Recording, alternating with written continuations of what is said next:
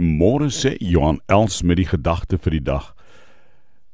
Heilig onberispelik voor Christus. Miskien sou jy sê dit is 'n bietjie swaar hierdie hierdie twee woorde.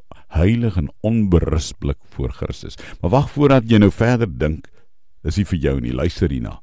Efesiërs 1 vers 3 tot 4 sê: Hy het ons in Christus geseën met al die seënings van die Gees wat daar in die hemel is en so het hy ons in Christus uitverkies om heilig en onberispelik voor hom te wees.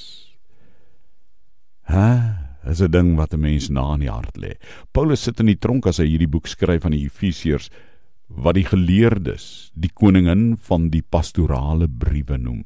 Hy skryf soos 'n pastor, 'n omgee pastor, hierdie wonderlike briewe aan verskillende gemeentes in Klein-Asië. En hy sê in vers 3 van hoofstuk 1 God het ons in Christus geseën met al die seënings van die Gees wat daar in die hemel is. En dan dan hou ons by daai teks op. Ons wil nie verder lees nie want ons hou van daai eerste stukkie. Maar in die volgende vers vers 4 gee Paulus die standaard van toewyding wat die uitdaging is vir die kerk in Efese.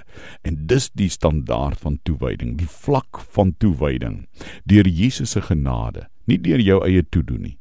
Daar staan so dat hy nog voordat die wêreld geskep is ons in Christus uitverkies om heilig en onberispelik voor hom te wees. Dis die vlak van die toewyding deur Jesus se genade. Is nie my toedoen nie, deur Jesus se genade, heilig en onberispelik.